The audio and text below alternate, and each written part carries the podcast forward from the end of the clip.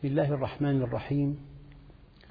الحمد لله رب العالمين والصلاة والسلام على سيدنا محمد وعلى آل بيته الطيبين الطاهرين وعلى صحابته الغر الميامين أمناء دعوته وقادة ألويته وارض عنا وعنهم يا رب العالمين. اللهم أخرجنا من ظلمات الجهل والوهم إلى أنوار المعرفة والعلم ومن وحول الشهوات إلى جنات القربات. أيها الإخوة الكرام مع الدرس الخامس والستين من دروس سورة التوبة ومع الآية الثالثة عشرة بعد المئة وهي قوله تعالى ما كان للنبي والذين آمنوا أن يستغفروا للمشركين ولو كانوا أولي قربى. من بعد ما تبين لهم أنهم أصحاب الجحيم. أيها الإخوة الكرام لا بد من إضاءة سريعة حول هذه الآية. البشر على اختلاف مللهم ونحلهم وانتماءاتهم وأعراقهم وأنسابهم وطوائفهم يصنفون في الدوائر التالية. دائرة واسعة جدا كل من أقر بوجود الله داخل هذه الدائرة. والذي أنكر وجود الله أصلا خارج هذه الدائرة. ودائرة ثانية ضمن الدائرة الكبرى. من كان إيمانه بالله مقترنا مع التطبيق يعني من حمله إيمانه على التطبيق من كان وقافا عند الحلال والحرام من رآه الله في طاعة وافتقده في معصية. هذا الذي التزم شرع الله طبق منهج الله انصاع لأمر الله. كان من أولئك الذين استمعوا إلى القول فاتبعوا أحسنه. هؤلاء ضمن الدائرة الثانية لكنهم غير معصومين إلا أنهم أقرب من غيرهم إلى السلامة والسعادة. وفي وسط هذه الدوائر مركز فيه الأنبياء والمرسلون المعصومون. فهناك من موقعه خارج هذه الدوائر كلها الذي أنكر وجود الله. وهناك من كان مكانه في الدائرة الكبرى الذي أقر بوجود الله لكن لم يلتزم. لم يلتزم الحق لم يأتمر بما أمر الله ولم ينتهي عما عنه نهى الله. هذه المنطقة أصحابها ليسوا ناجين. أما الدائرة التي تلي تلك الدائرة الكبيرة فيها أناس التزموا انصاعوا لأمر الله طبقوا. هؤلاء ليسوا معصومين ولكن الله سبحانه وتعالى يؤدبهم ويعالجهم. إلا أن يأخذ بيدهم إلى الجنة. وعزتي وجلالي لا أقبض عبدي المؤمن وأنا أحب أن أرحمه إلا ابتليته بكل سيئة كان عملها سقما في جسده أو إقتارا في رزقه أو مصيبة في ماله أو ولده حتى أبلغ منه مثل الذر فإذا بقي عليه شيء شددت عليه سكرات الموت حتى يلقاني كيوم ولدته أمه. أما الأنبياء والمرسلون هؤلاء قمم البشر. هؤلاء معصومون من أن يخطئوا في أقوالهم وأفعالهم وفي أحوالهم. لذلك أمرنا أن نتبعهم وأن نأخذ عنهم. وما آتاكم الرسول فخذوه وما نهاكم عنه فانتهوا. لأن النبي معصوم في أن يخطئ في أقواله وفي أفعاله وفي إقراره. أمرنا أن نأخذ عنه. والآية واضحة. وما آتاكم الرسول فخذوه. وما نهاكم عنه فانتهوا. لكن فضلا عن ذلك النبي قدوة لنا وأسوة. وفي قوله تعالى لقد كان لكم في رسول الله أسوة حسنة لمن كان يرجو الله واليوم الآخر وذكر الله كثيرا.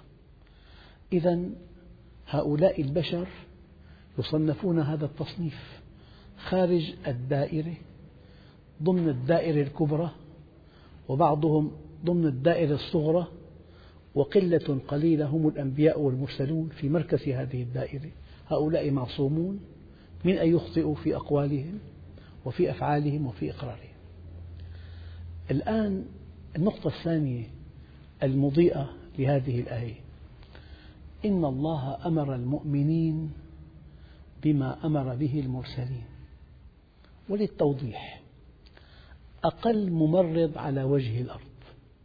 إن أراد أن يعطي حقنة لمريض لا بد من تعقيم الحقنة. وتعقيم الزجاجة وتعقيم المكان. وأكبر جراح قلب في الأرض إن أراد أن يعطي حقنة لا بد من أن يطبق هذه التعليمات. فإن الله أمر المؤمنين بما أمر به المرسلين. فهذا منهج لا بد من تطبيقه. ولأن الأنبياء والمرسلين بشر تجري عليهم كل خصائص البشر. ولولا أنه تجري عليهم كل خصائص البشر لما كانوا سادة البشر لأنهم بشر وانتصروا على بشريتهم وقفوا عند منهج الله أمروا بالمعروف نهوا عن المنكر كانوا سادة البشر. وأي إنسان يجب أن يعتقد اعتقادا جازما أن بإمكانه أن يغير. والله عز وجل يقول إن الله لا يغير ما بقوم حتى يغيروا ما بأنفسهم. ولو أن التغيير مستحيل لكان من العبث إرسال الأنبياء والمرسلين. ما دام الإنسان قابل للتغيير والآية واضحة إن الله لا يغير ما بقوم حتى يغيروا. فإمكان التغيير قائم فلذلك الحجة قائمة علينا. الآن الآية تقول ما كان للنبي والذين آمنوا أن يستغفروا للمشركين ولو كانوا أولي قربى. يعني هذا الصحابي الذي هداه الله إلى الإسلام ونور الله قلبه بالإيمان وسعد سعادة ما بعدها سعادة حينما تعرف إلى الله. هذا الصحابي له أب وله أم وله أقارب. فكل إنسان يتمنى أن يكون من يلوذ به مؤمنا ناجيا. فلعل بعضهم تمنى أو أراد أن يدعو الله لأبيه وأمه الذين توفوا أن يكونوا من أهل الجنة. فجاء التوجيه الإلهي. النقطة الدقيقة في هذا التوجيه أن النبي هو نفسه أمر بذلك. قال ما كان للنبي. لكن ماذا تعني ما كان قال ما كان صيغة في اللغة العربية تعني نفي الشأن. فللتوضيح نقول لو أن إنسانا سأل آخر هل أنت جائع؟ يقول لا. أما لو سأله سؤال آخر هل أنت سارق؟ لا ينبغي أن يقول لا. يقول ما ينبغي لي أن أسرق أو ما يكون لي أن أسرق. هذا نفي الشأن. العلماء قالوا هناك نفي الحدث وهناك نفي الشأن. نفي الشأن يعني أنا مستحيل أن أفعل هذا أو أن أرضى بهذا أو أن أقر هذا أو أن أسكت على هذا. فكل أنواع الأفعال التي تتعلق بهذا الحادث داخلة في هذا النفي. إذا من أشد صيغ النفي ما كان. وقال بعض علماء النحو وهذا قد يفيد فضلا عن النفي النهي. نعم. نفي ونهي. ما كان للنبي والذين آمنوا معه. آمنوا يعني إن الله أمر المؤمنين بما أمر به المرسلين. ما كان للنبي والذين آمنوا أن يستغفروا للمشركين ولو كانوا أولي قربى. لذلك الشرك بالله واسع جدا. هناك شرك جلي وهناك شرك خفي. الذين قالوا بوذا إله في شرق آسيا هذا شرك جلي. والحقيقة الشرك الجلي ليس موجودا في العالم الإسلامي ولكن الشيء الذي يمكن أن يكون واسع الانتشار هو الشرك الخفي. لذلك ورد في بعض الأحاديث أخوف ما أخاف على أمتي الشرك الخفي. أما إني لست أقول إنكم تعبدون صنما ولا حجرا ولكن شهوة خفية وأعمال لغير الله. فالذي يؤثر صفقة محرمة على صفقة شرعية لربحها الكبير هذا وقع في الشرك الخفي. رأى أن هذا المال أغلى عنده من طاعة الله. أشرك المال مع طاعته لله. هذا الذي يطيع زوجته في معصية. ماذا رأى؟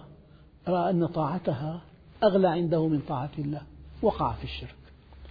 لذلك قالوا الشرك أخفى من دبيب النملة السمراء على الصخرة الصماء في الليلة الظلماء. أخفى. من دبيب النملة السمراء على الصخرة الصماء في الليلة الظلماء وأدناه أن تحب على جور. يعني إنسان منحرف أكرمك بشيء فأحببته هذا من الشرك. أو أن تبغض على عدل إنسان قدم لك نصيحة بأدب جم فكرهته. فالشرك واسع جدا والدليل قوله تعالى وما يؤمن أكثرهم بالله إلا وهم مشركون. وذكرت قبل قليل الشرك الجلي الله عز وجل عافانا منه لكن المشكلة في الشرك الخفي. الشرك الخفي شهوة. حينما تؤثرها على طاعة الله وقعت في الشرك. إنسان حينما تؤثر طاعته على طاعة الله وقعت في الشرك. عادات وتقاليد ليست متوافقة مع الشرع. إذا خضعت لها ولم تخضع للشرع. هذا نوع من الشرك. والدليل وما يؤمن أكثرهم بالله إلا وهم مشركون. فالشرك أخفى من دبيب النملة السمراء على الصخرة الصماء في الليلة الظلماء. والتوحيد هو الدين. الدين هو التوحيد. وما تعلمت العبيد أفضل من التوحيد. إبليس اللعين قال ربي فبعزتك مع آمن بالله ربا وعزيزا لكنه لم يوحد.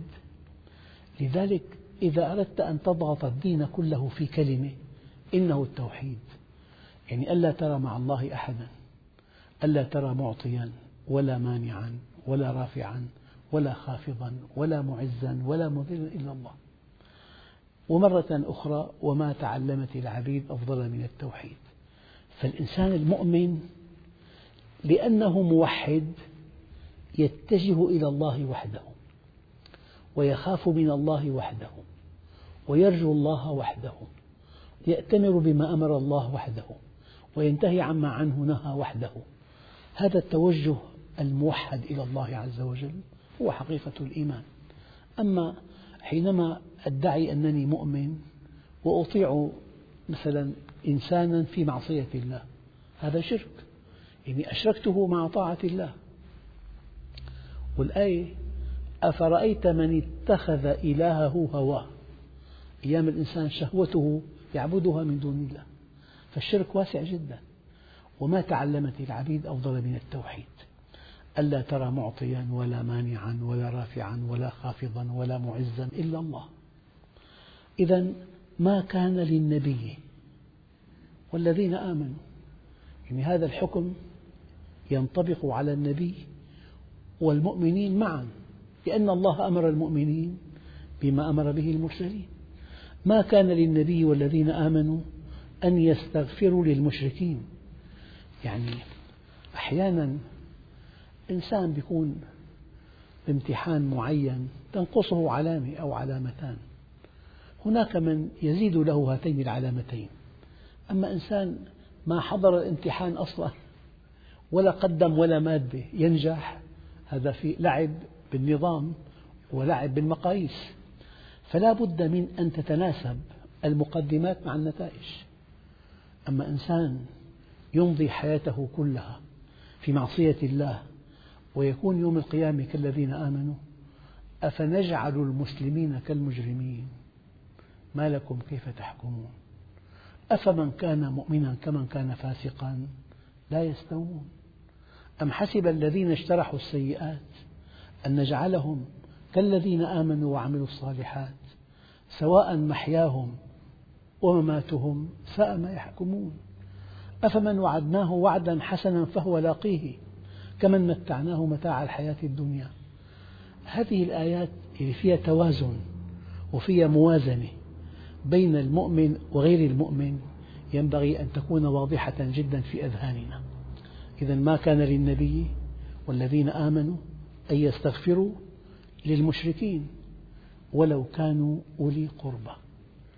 يعني القرابة الحقيقية قرابة الإيمان. لقول الله عز وجل إنما المؤمنون إخوة. هذه القرابة الحقيقية. ورد في بعض الأحاديث القدسية وجبت محبتي للمتحابين في والمتزاورين في والمتبادلين في والمتجالسين في والمتحابون في جلالي على منابر من نور يغبطهم عليها النبيون يوم القيامة. إذا البشر كما قال الله عز وجل صنفان كبيران أعطى واتقى وصدق بالحسنى بخل واستغنى وكذب بالحسنى ولن تجد فريقا سادسا إلا الفريق الذي نتحدث عنه. هذا أعلن إيمانه وأبطن كفره. له موقف معلن موقف حقيقي. شيء يعمله في خلوته لا يفعله في جلوته. له ظاهر وله باطن. الإنسان المزدوج هذا هو المنافق. أراد أن يجمع مكاسب المؤمنين مع تفلت الكافرين. فالحديث في هذه السورة عن هؤلاء. ما كان للنبي والذين آمنوا أن يستغفروا للمشركين ولو كانوا أولي قربى. من بعد ما تبين لهم أنهم أصحاب الجحيم. يعني إنسان طالب نقصه علامة واحدة. ممكن نتوسط لدى المدرس أن يضيف له هذه العلامة وينجح. أما طالب ما قدم امتحان أصلا ما قدم ولا مادة فالوساطة لدى المدرس أن ينجحه شيء يعني عجيب وشيء مستحيل. فكأن هذه الآية تدور حول هذا المعنى. ما كان للنبي والذين آمنوا أن يستغفروا للمشركين ولو كانوا أولي قربى من بعد ما تبين لهم أنهم أصحاب الجحيم. يعني بعدوا عن الله بعد الأرض عن السماء. لكن الصحابة الكرام لماذا جاء هذا النهي؟ أو جاء هذا النفي صح هو نفي ونهي بآن واحد. لأنه سيدنا إبراهيم كما جاء في بعض الآيات قال سأستغفر لك ربي لأبيه عابد الوثن. جاءت الآية توضيح وما كان استغفار إبراهيم لأبيه إلا عن موعدة وعدها إياه. يعني والد سيدنا إبراهيم عابد الصنم وعد ابنه أن يؤمن. فلما وعد ابنه أن يؤمن ابن إبراهيم فكان من إبراهيم أن يستغفر له. يا أصحاب النبي لا تقيسوا على هذه هي إلى خصوصية خاصة.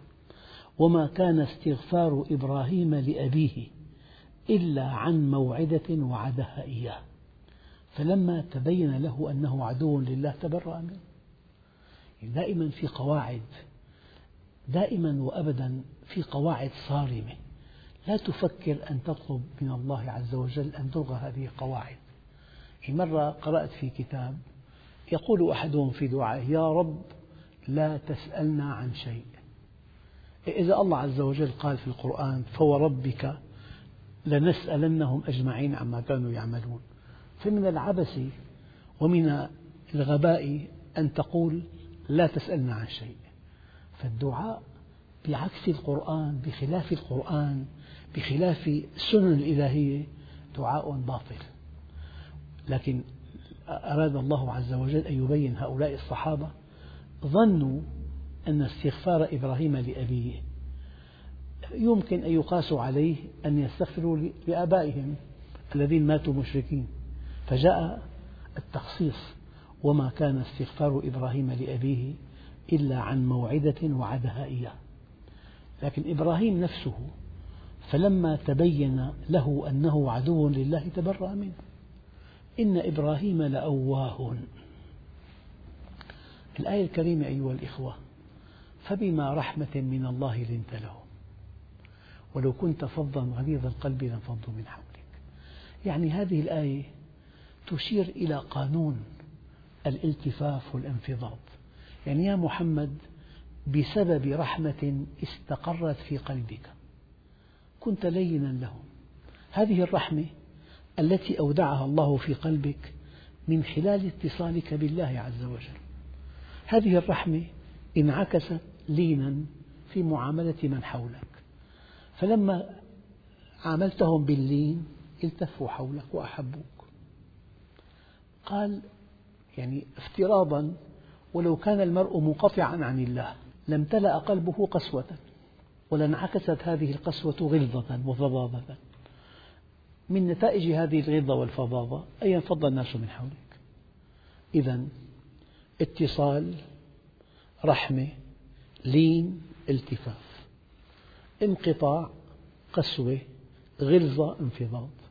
وكأن هذه الآية فبما رحمة من الله لنت لهم تبين قانونا ثابتا يحتاجه الأب يحتاجه المعلم يحتاجه العالم المرشد الداعية. يحتاجه أي منصب قيادي؟ أي إنسان في منصب قيادي ولو كان على عشرة أو على أعلى مستوى. بحاجة لهذه الآية التي تعنون بقانون الانفضاض والالتفاف. تتصل يمتلئ القلب رحمة تنعكس الرحمة لينا اللين يدعو الناس إلى أن يلتفوا حولك يخضعوا لك يحبوك يحرسوك. ولو كنت فظا غليظ القلب يعني لو كنت منقطعا عنا امتلأ القلب قسوة. انعكست هذه القسوة غلظة وفظاظة فانفض الناس من حولك. إذا فاعف عنهم واستغفر لهم وشاورهم في الأمر. الآية التي بعدها وما كان استغفار إبراهيم لأبيه إلا عن موعدة وعدها إياه. فلما تبين له أنه عدو لله تبرأ منه. إن إبراهيم لأواه. أواه شديد التأوه.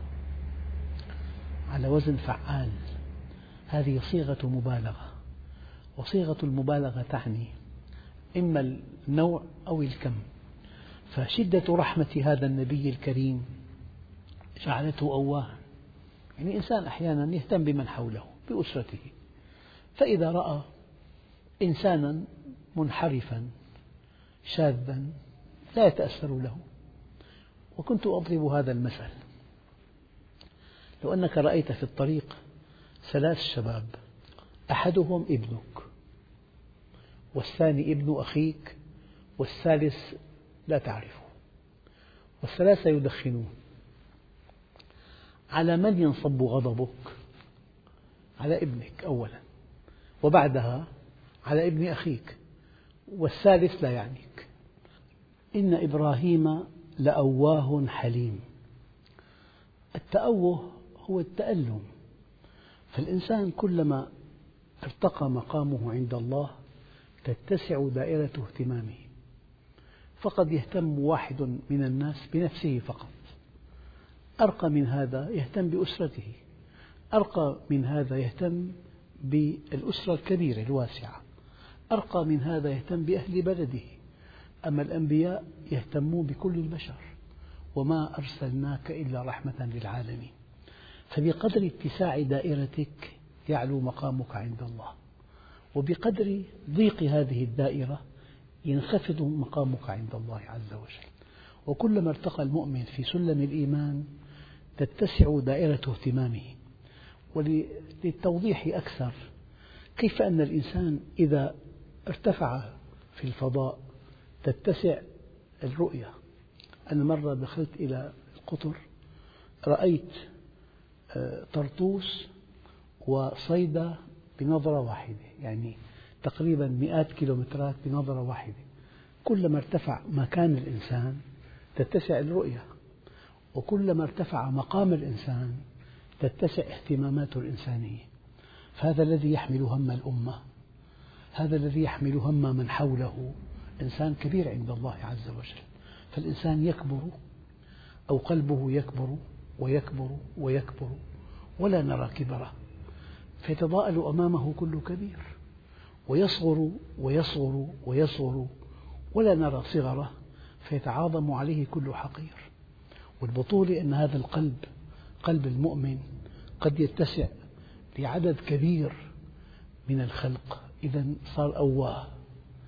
يتألم للخلق يتألم لضياع الخلق يتألم لانغماس الخلق بالمعاصي والآثام يتألم لمصير الخلق حينما غفلوا عن الله عز وجل. فهذا درس لنا جميعا. كلما اتسعت دائرة اهتمامك كنت عند الله كبيرا. وكلما ضاقت هذه الدائرة كنت عند الله صغيرا. وهذه الرحمة التي يشتقها المؤمن من الله عز وجل هي التي توسع اهتمامه. فبما رحمة من الله لنت لهم. وأنا أقول دائما والبطولة أيضا أن تكون الرحمة عامة. يعني أودع الله في كل أب محبة أبنائه في كل زوج محبة زوجته مثلا. فهذه الرحمة التي أودعها الله فيك هذا عطاء ابتدائي ليس بطولة منك لكن البطولة أن تكون رحمتك عامة تسع الخلق كلهم. يعني أنت مثلا بمحل عمل ابنك لا تسمح له أن يحمل شيء فوق طاقته. أما عندك موظف صغير تكلفه أن يحمل فوق طاقته. هذا تناقض. مرة قال لي إنسان قال لي هذا اللي عندي ما بسمح له يغادر قبل نهاية الدوام. أنه طلب مني يغادر قبل ساعة حتى يدرس مدرسة ليلية يأخذ شهادة. ما بسمح له. إذا تعلم بيفقس. أما ابنه دفع له مليون ليرة دروس خاصة. هذا موقف موقف حقير. أن تعامل ابنك معاملة غير معاملة الناس. علامة المؤمن أن تعامل الناس بالرحمة والعدل والإنصاف. فهذا ميزان لنا جميعا. هل تعامل الآخرين كما تعامل أقرب الناس إليك؟ الإيمان هكذا. رحمة عامة. في رحمة خاصة. بس هذه الرحمة الخاصة في المؤمن لا تلغي الرحمة العامة والرحمة العامة في المؤمن لا تلغي الرحمة الخاصة. إذا أصل هذا الدين الاتصال بالله ومع الاتصال بالله اشتقاق الكمال الإلهي. ومع هذا الكمال تسعد بهذا الإيمان وتسعد من حولك. وما كان استغفار إبراهيم لأبيه إلا عن موعدة وعدها إياه فلما تبين له أنه عدو لله تبرأ منه إن إبراهيم لأواه. يعني هذا امتحانات والأصح أن أوصاف المؤمنين أو أوصاف الأنبياء والمؤمنين في كتاب الله مقاييس لنا جميعا. يعني مثلا لو أنه لك صديق أصاب شيئا من الدنيا بالحلال نال درجة عالية في التعليم أو كان زواجه ناجح جدا أو كان عمله جيد هل تتألم؟ لمجرد أن تتألم فهذه صفة في المنافقين. والدليل إن تصبك حسنة تسؤهم. فامتحن نفسك من خلال هذه الآيات. وأنا أتمنى أن تكون أوصاف الأنبياء والمرسلين في القرآن الكريم مقاييس لنا جميعا. ما التدبر؟ يمكن أن تقرأ هذا القرآن قراءة صحيحة وفق قواعد اللغة العربية. شيء جيد. لكن يمكن إذا أتقنت أحكام التجويد أن تقرأه قراءة مجودة. أفضل. لكن ممكن أن تقرأ هذا القرآن قراءة صحيحة وفق قواعد اللغة العربية وقراءة مجودة وفق أحكام التجويد.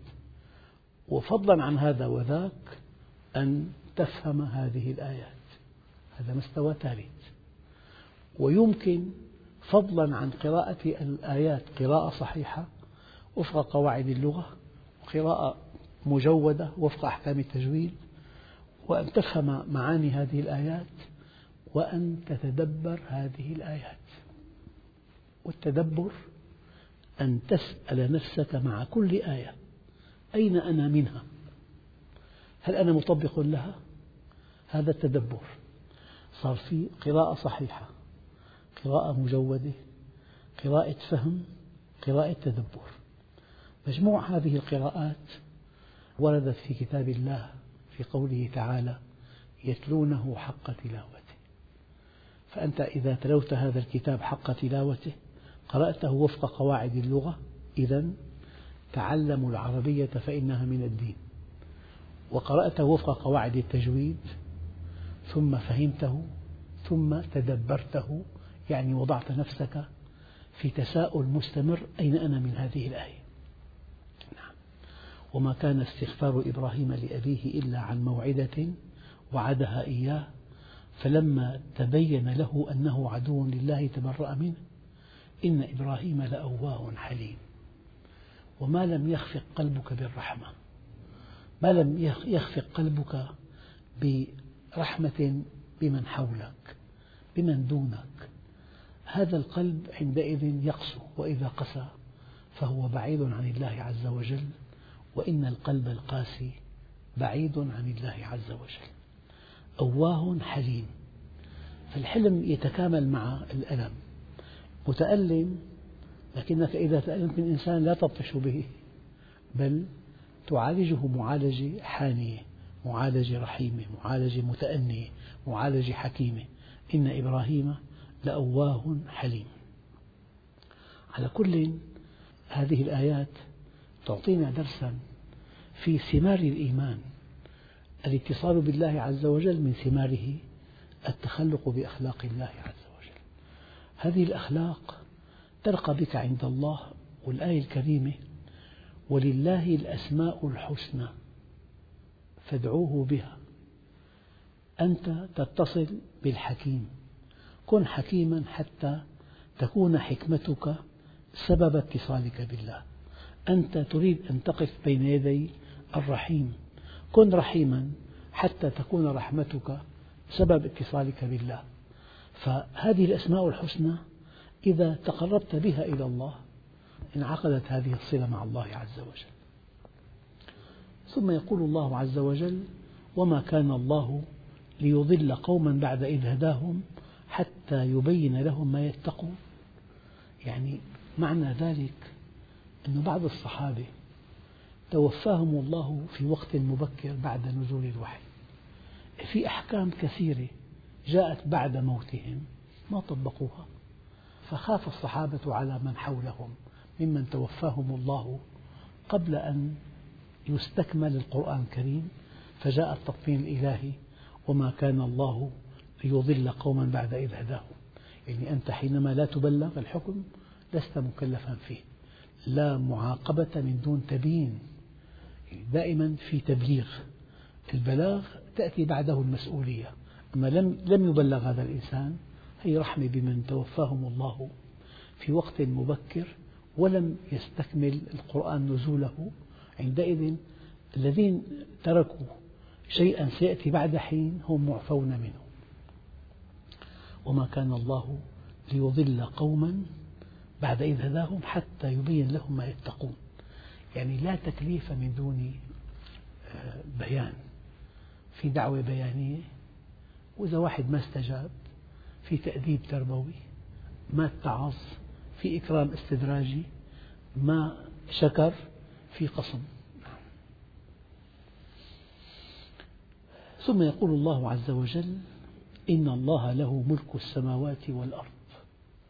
له هذه اللام لام الملكية كما قال علماء النحو. لكن الله عز وجل ملكيته غير ملكيتنا ليس كمثله شيء. ملكيته يعني خلقا وإمدادا ومصيرا. خلقا. وإمدادا ومصيرا. أنت تتملك هذا البيت لكن قد يأتي قرار بإجراء تنظيم لهذه المنطقة. يؤخذ منك البيت. فأنت ملكيتك محددة. الملكية محددة. أما إذا قال الله عز وجل له ملك السماوات والأرض يعني خلقا وتصرفا ومصيرا. يعني الملكية المطلقة. فالإنسان إذا كان مع الله سعد بقربه. وإذا كان الله معك فمن عليك وإذا كان عليك فمن معك. نعم. إن الله له ملك السماوات والأرض. والسماوات والأرض مصطلح قرآني يعني الكون والكون ما سوى الله. فكل شيء تراه عينك بيد الله خلقا وإمدادا ومصيرا. فإذا كنت مع الله كان الله معك. إن الله له ملك السماوات والأرض يحيي ويميت. الحياة بيده والموت بيده والرزق بيده وكل شيء بيده بل هو فعال لما يريد. وما لكم من دون الله من ولي ولا نصير. ما لكم من دون الله من ولي ولا نصير. يعني آه، ابن آدم اطلبني تجدني فإذا وجدتني وجدت كل شيء وإن فتك فاتك كل شيء وأنا أحب إليك من كل شيء. أنا ملك الملوك ومالك الملوك قلوب الملوك بيدي فإن العباد أطاعوني حولت قلوب ملوكهم عليهم بالرأفة والرحمة. وإن عصوني حولتها عليهم بالسخطة والنقمة. فلا تشغلوا أنفسكم بسب الملوك وادعوا لهم بالصلاح فإن صلاحهم بصلاحكم والحمد لله رب العالمين